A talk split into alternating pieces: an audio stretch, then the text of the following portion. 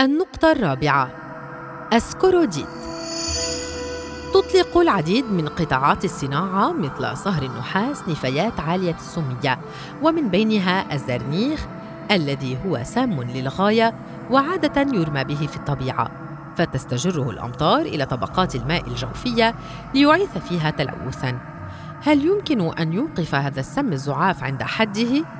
والجواب هو ربما نعم ولكن كيف؟ السكوروديت معدنية شائعة الوجود تتكون من زرنيخات الحديد وتتميز بقدرتها على عدم التحلل في مياه الطبيعة. ومن هنا جاءت فكرة الباحثين بتحويل الزرنيخ إلى سكوروديت وبالتالي شل تأثيره المدمر على البيئة من خلال تخزين هذه النفايات الضارة على شكل سكوروديت خامل.